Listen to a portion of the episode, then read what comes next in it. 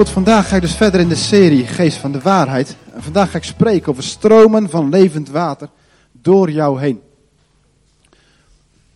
Zoals Oscar heeft gesproken over wie is de Heilige Geest eigenlijk.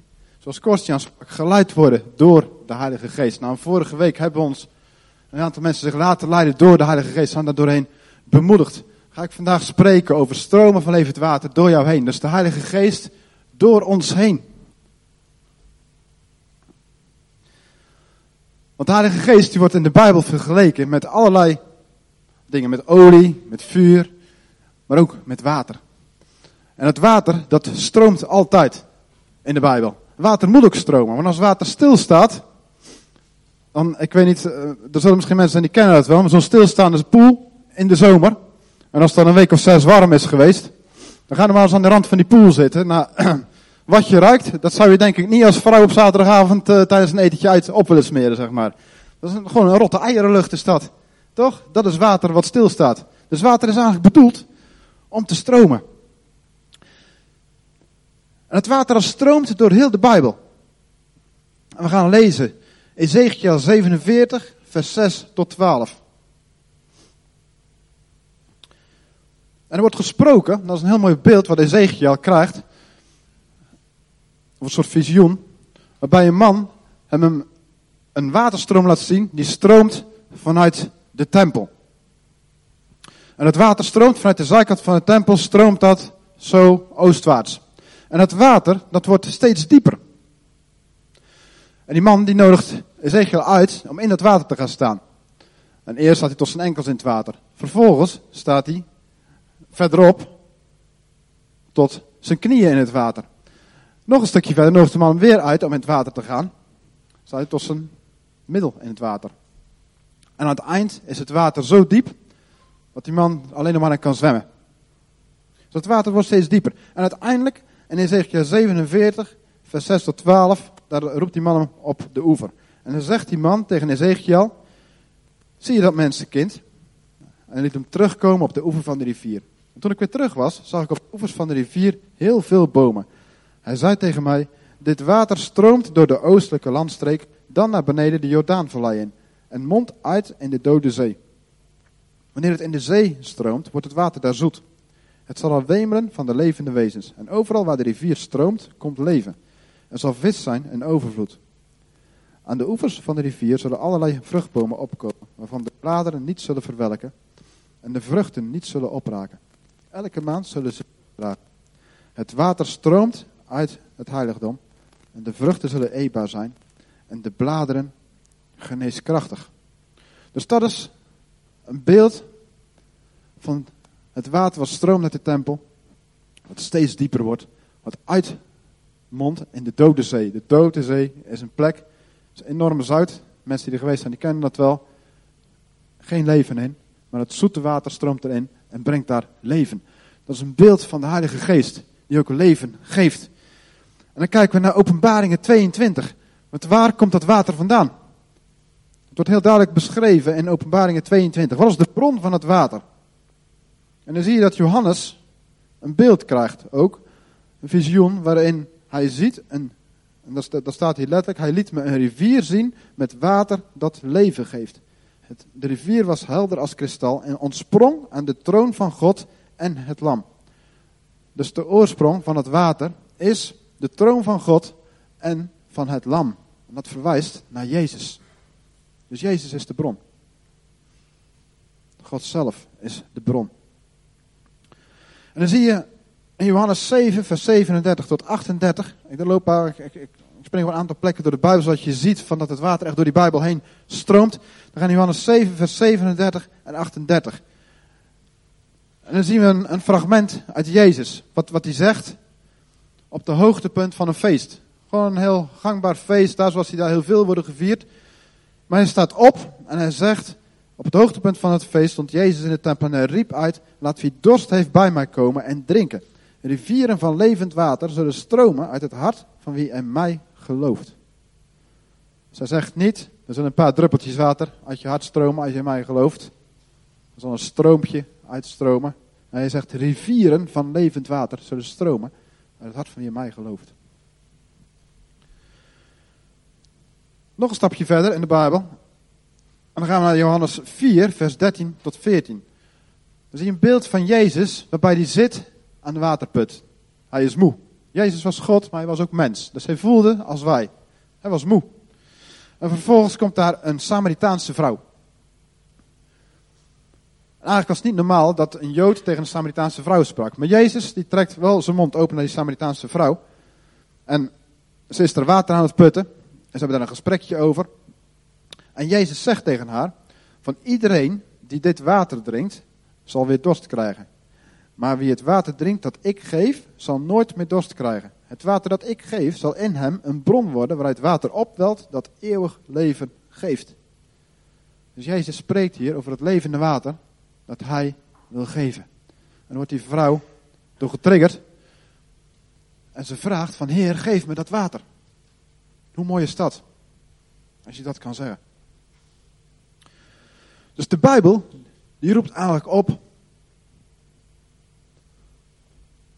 om gewoon kennis te maken met het levende water. Maar hij nodigt je ook uit, de Bijbel, om te drinken van het levende water. Jezus zelf, zoals hij hier in die tekst zegt, nodigt ons uit om te drinken van het levende water. Hij zegt het tegen die vrouw, maar feitelijk zegt hij het ook tegen jou en mij. Dus de Bijbel zegt niks anders van drink, drink, drink van het levende water tot je overstroomt. Je overstroomt van het levende water.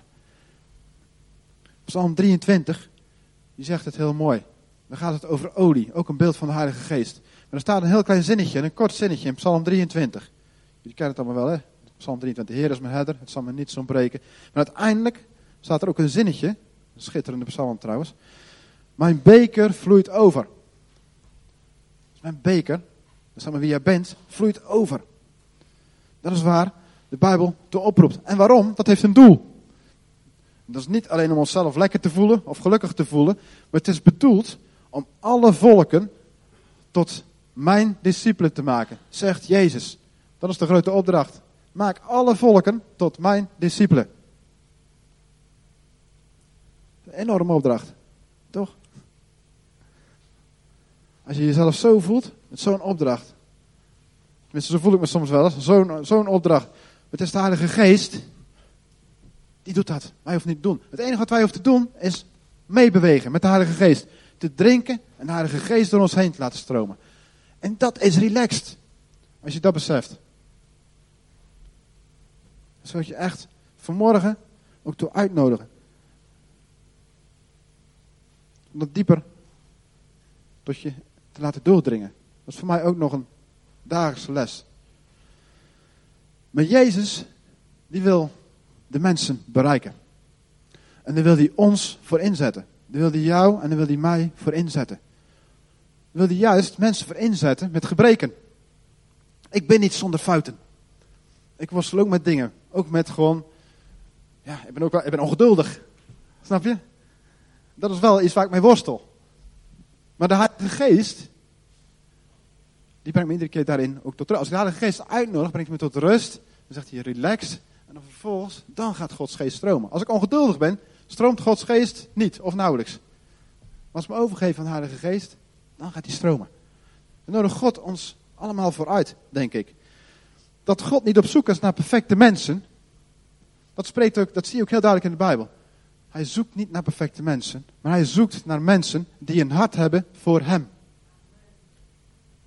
Yes, nog een keer. God is niet op zoek naar perfecte mensen. Hij is op zoek naar mensen die een hart hebben voor hem. Als hij op zoek zou zijn naar perfecte mensen, dan zou je het wel op kunnen geven. Niemand, nobody is perfect. Niemand. Echt niemand. Iedereen heeft zijn ding. Iedereen. Maar God wil ons toch inzetten. En denk jij dat God jou niet zou kunnen inzetten? Laten we eens naar de Bijbel kijken. Wat in de Bijbel staat. Een heel bemoedigend boek ook wat dat betreft. Een eerlijk boek, maar ook een bemoedigend boek. Abraham was te oud Jacob, grote godsman, was een leugenaar. Jona werd geroepen door God, hij rende weg. Elia, die was suicidaal. Hij had zelfmoordplannen. Zacchaeus, die was te klein. Hij moest in de boom, weet je nog? Gideon was bang. Jezaja preekte naakt. Mozes was een moordenaar. Heeft een Egyptenaar vermoord. Maria Magdalena was een prostituee. Was een hoer. Petrus ontkende Christus. Na alles wat hij had gezien. Bij een vuurtje. Hij ontkende Christus. Lazarus was dood. Toch gebruikte God deze mensen. En waarom? Hoe kon dat? Omdat die mensen een hart hadden voor Hem. Die mensen hadden een hart voor God.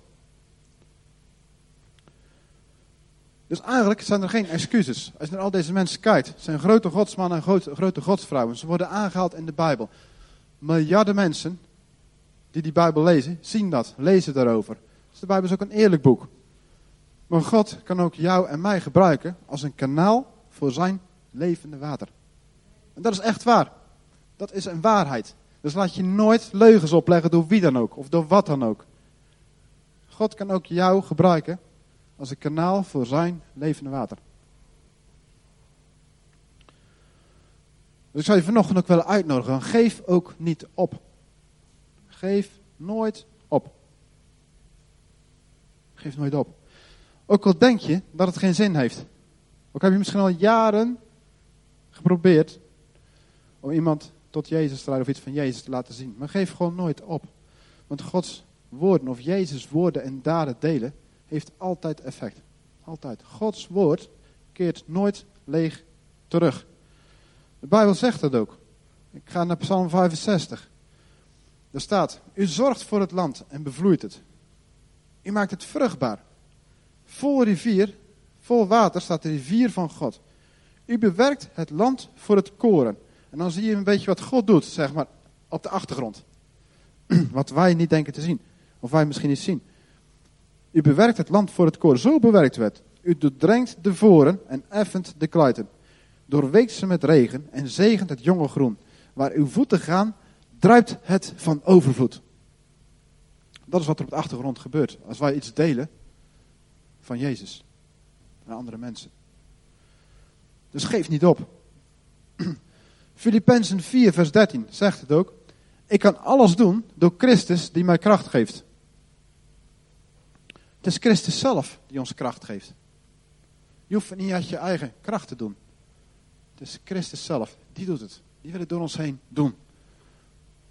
Handelingen 1 vers 8, Kostjan die haalt vorige week ook al aan en, en Oscar ook. Als de Heilige Geest over je komt, zul je kracht ontvangen om van mij te getuigen. Dus de discipelen, die moesten wachten op de Heilige Geest. Het was echt een opdracht van doe niks voordat mijn geest komt. Als het wel uit eigen kracht al hadden gedaan, was er niks van terechtgekomen, van nauwelijks effect gehad. Maar God nodigt heel duidelijk uit. Hij zegt, als de Heilige Geest over je komt, zul je kracht ontvangen om van mij te getuigen.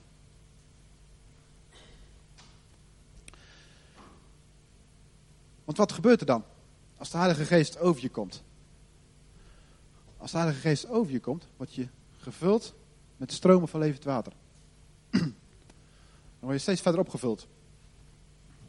Vul, vul, vol. En vervolgens gaat het overstromen. Wat er dan gebeurt, dat is wat de Bijbel heel duidelijk beschrijft. In 1 Corinthians 12. Daar zegt hij, daar spreekt de Bijbel over de gaven van de geest. En dan zien we de gave van de geest. Dat is een enorm rijk iets. Elke gave is eigenlijk een studie op zich. Maar daar kan je eigenlijk ook gewoon je leven lang mee aan de gang. Tongentaal. Uitleg van tongen. Dat doen we als het in de gemeente, als het tongentaal is. Dan leggen we het ook uit aan de gemeente. Een profetie. Dat zijn woorden van God. Genezing. Wijsheid. Kennis. Krachten. Onderscheid van geesten en geloof. Dat is Gods geest die dat door ons heen wil doen. De sleutel daarvoor, dat in het werk te zien, is overgave. Dus overgave aan Gods geest. De vrucht waar we net over lazen, dat is ook een, uiting van de Heilige Geest. Liefde. een van de belangrijkste vruchten. 1 Corinthians 13 spreekt erover. Vreugde, blijdschap, vrede, geduld, vriendelijkheid, goedheid, zachtmoedigheid, geloof en zelfbeheersing. Dat is ook van de Heilige Geest. Heeft ook te maken met overgave.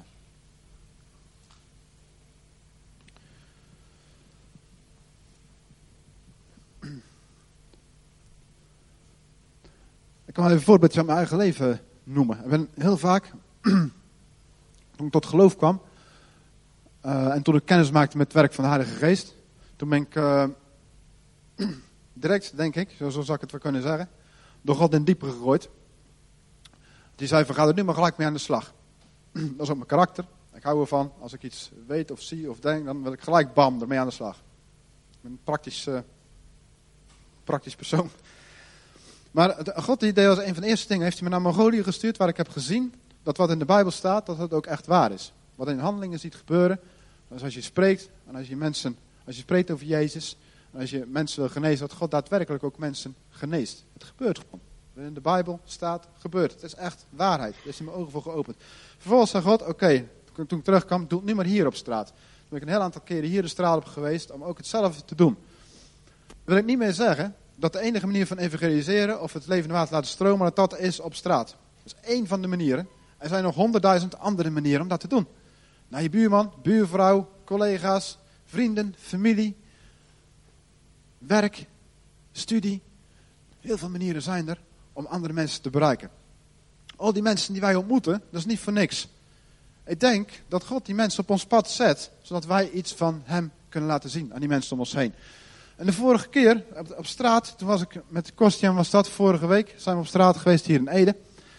En we hadden samen zoiets van, ja, we willen gewoon graag meebewegen en wat, wat God, uh, uh, Gods, Gods geest door ons wil doen vandaag. En dan gewoon de straat op geweest en hebben daar een stuk of 10, 12 mensen gesproken. waarbij God ons heel duidelijk iets liet zien. Sowieso, dat van die 12 mensen die we spraken, dat er maar één persoon christen was. Dat er 11 personen geen christen waren. We zitten hier in Ede met 50 kerken ongeveer, 50 verschillende gemeentes. Dus dan denk je van oké, dan is er volgens mij is er nog wel iets te doen als kerken. Dus dat was al eye-opener 1.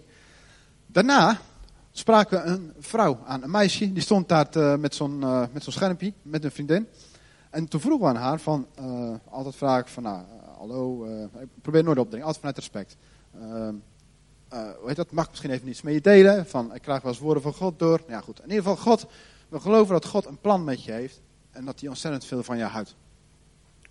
Eerste reactie, oh nee joh, er hoeft, hoeft niks, niks, niks mee te maken te hebben. Klaar, hoeft niet. Weet je wel zo. Ik zeg van oké, dat is prima joh. Ik zeg eenmaal, weet je, we hebben respect voor je, is gewoon niks uh, mis mee. Ik zeg alleen wel, van Jezus is de weg naar God.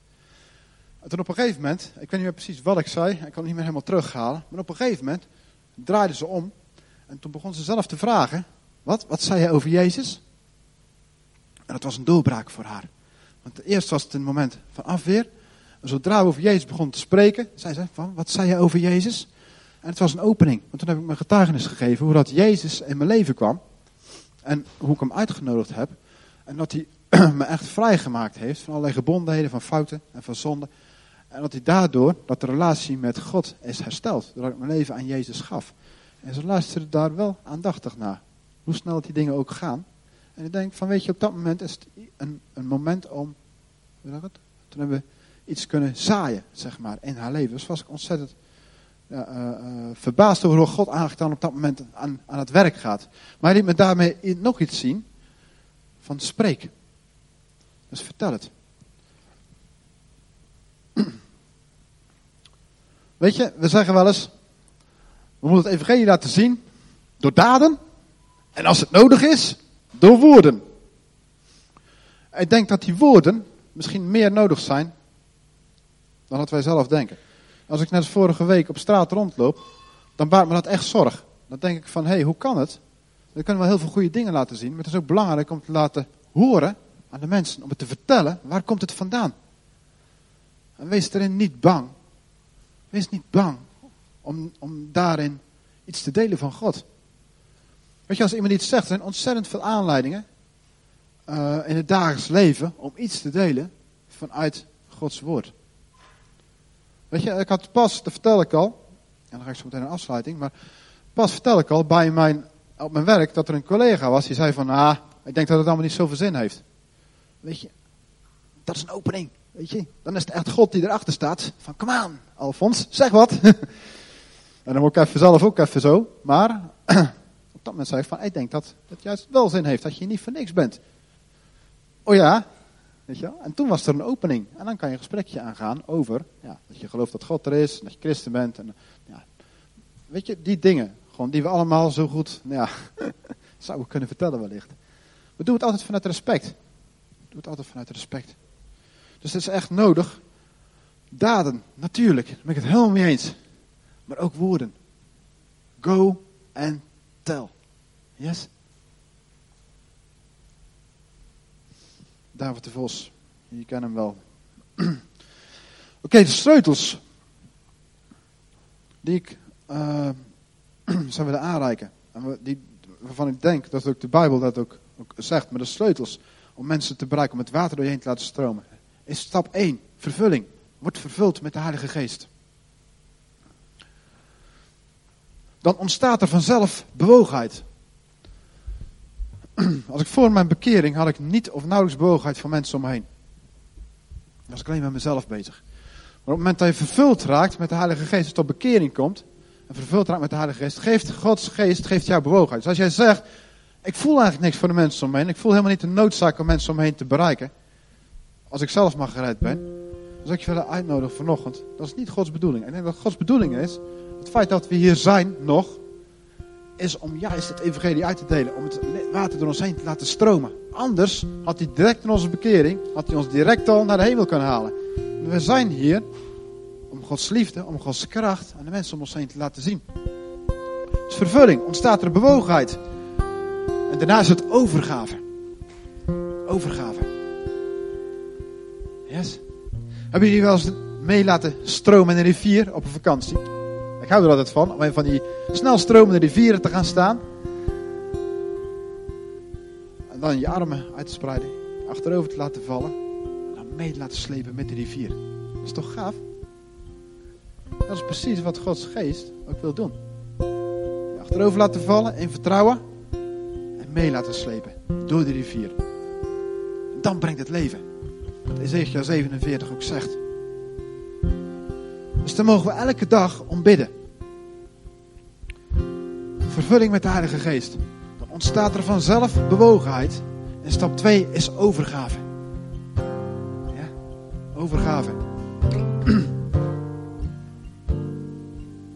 En ontstaat er ook vrijmoedigheid om te getuigen.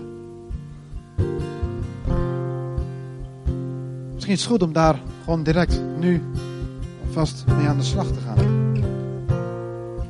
Ik graag eerst even een, een, moment van, uh, van rust nemen. Gaan opnieuw de Heilige Geest, die is er al. Om opnieuw meer en meer te laten vervullen met de Heilige Geest. Stap 1. En stap 2. Overgave.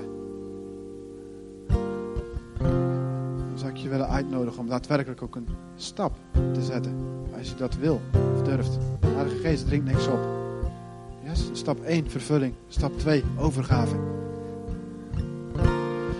Yes, laten we daar gewoon mee aan de slag gaan. Misschien wil je gaan staan en dan gaan we ervoor bidden.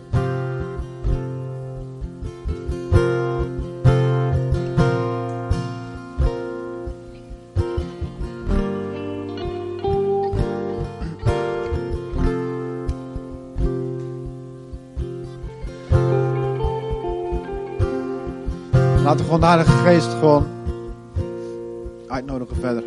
Heilige Geest, misschien is het goed als je hier gewoon je handen opent, als je het wil.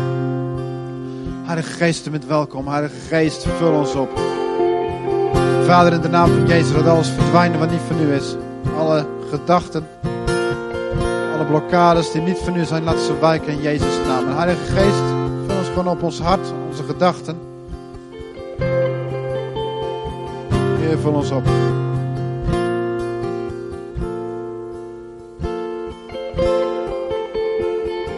welkom, Heilige Geest.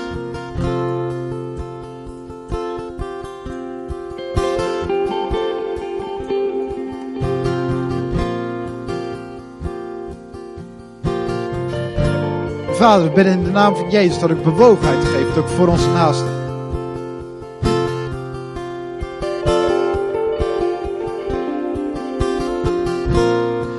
En misschien schudden we op dit moment ook heel bewust vragen ook aan God naar wie mag ik deze week omzien? Aan wie mag ik de komende tijd, de komende week extra aandacht geven? Iets te delen van u. Naar wie kan ik dat doen? De Heilige Geest maakt het duidelijk op dit moment aan de mensen. Geef persoon of personen op het hart van de mensen. Die ze mogen bereiken.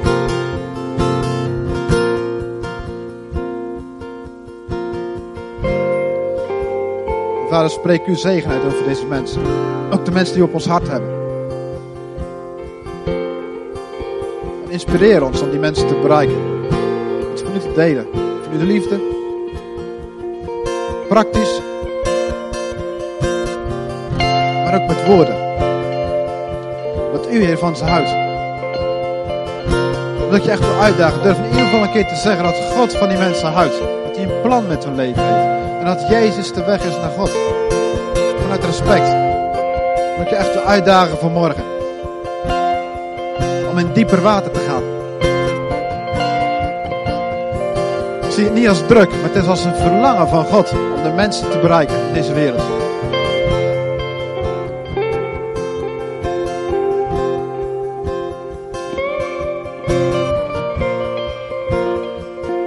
Zou ik willen gaan naar trap 2, dus overgave. Ben je bereid om vanmorgen, net als Ezekiel 47, om in dieper water te gaan? Durf je in dieper water te gaan? Net zoals in die rivier, je achterover te laten vallen en mee te laten stromen met die rivier. Dat Gods geest meer door je heen kan stromen.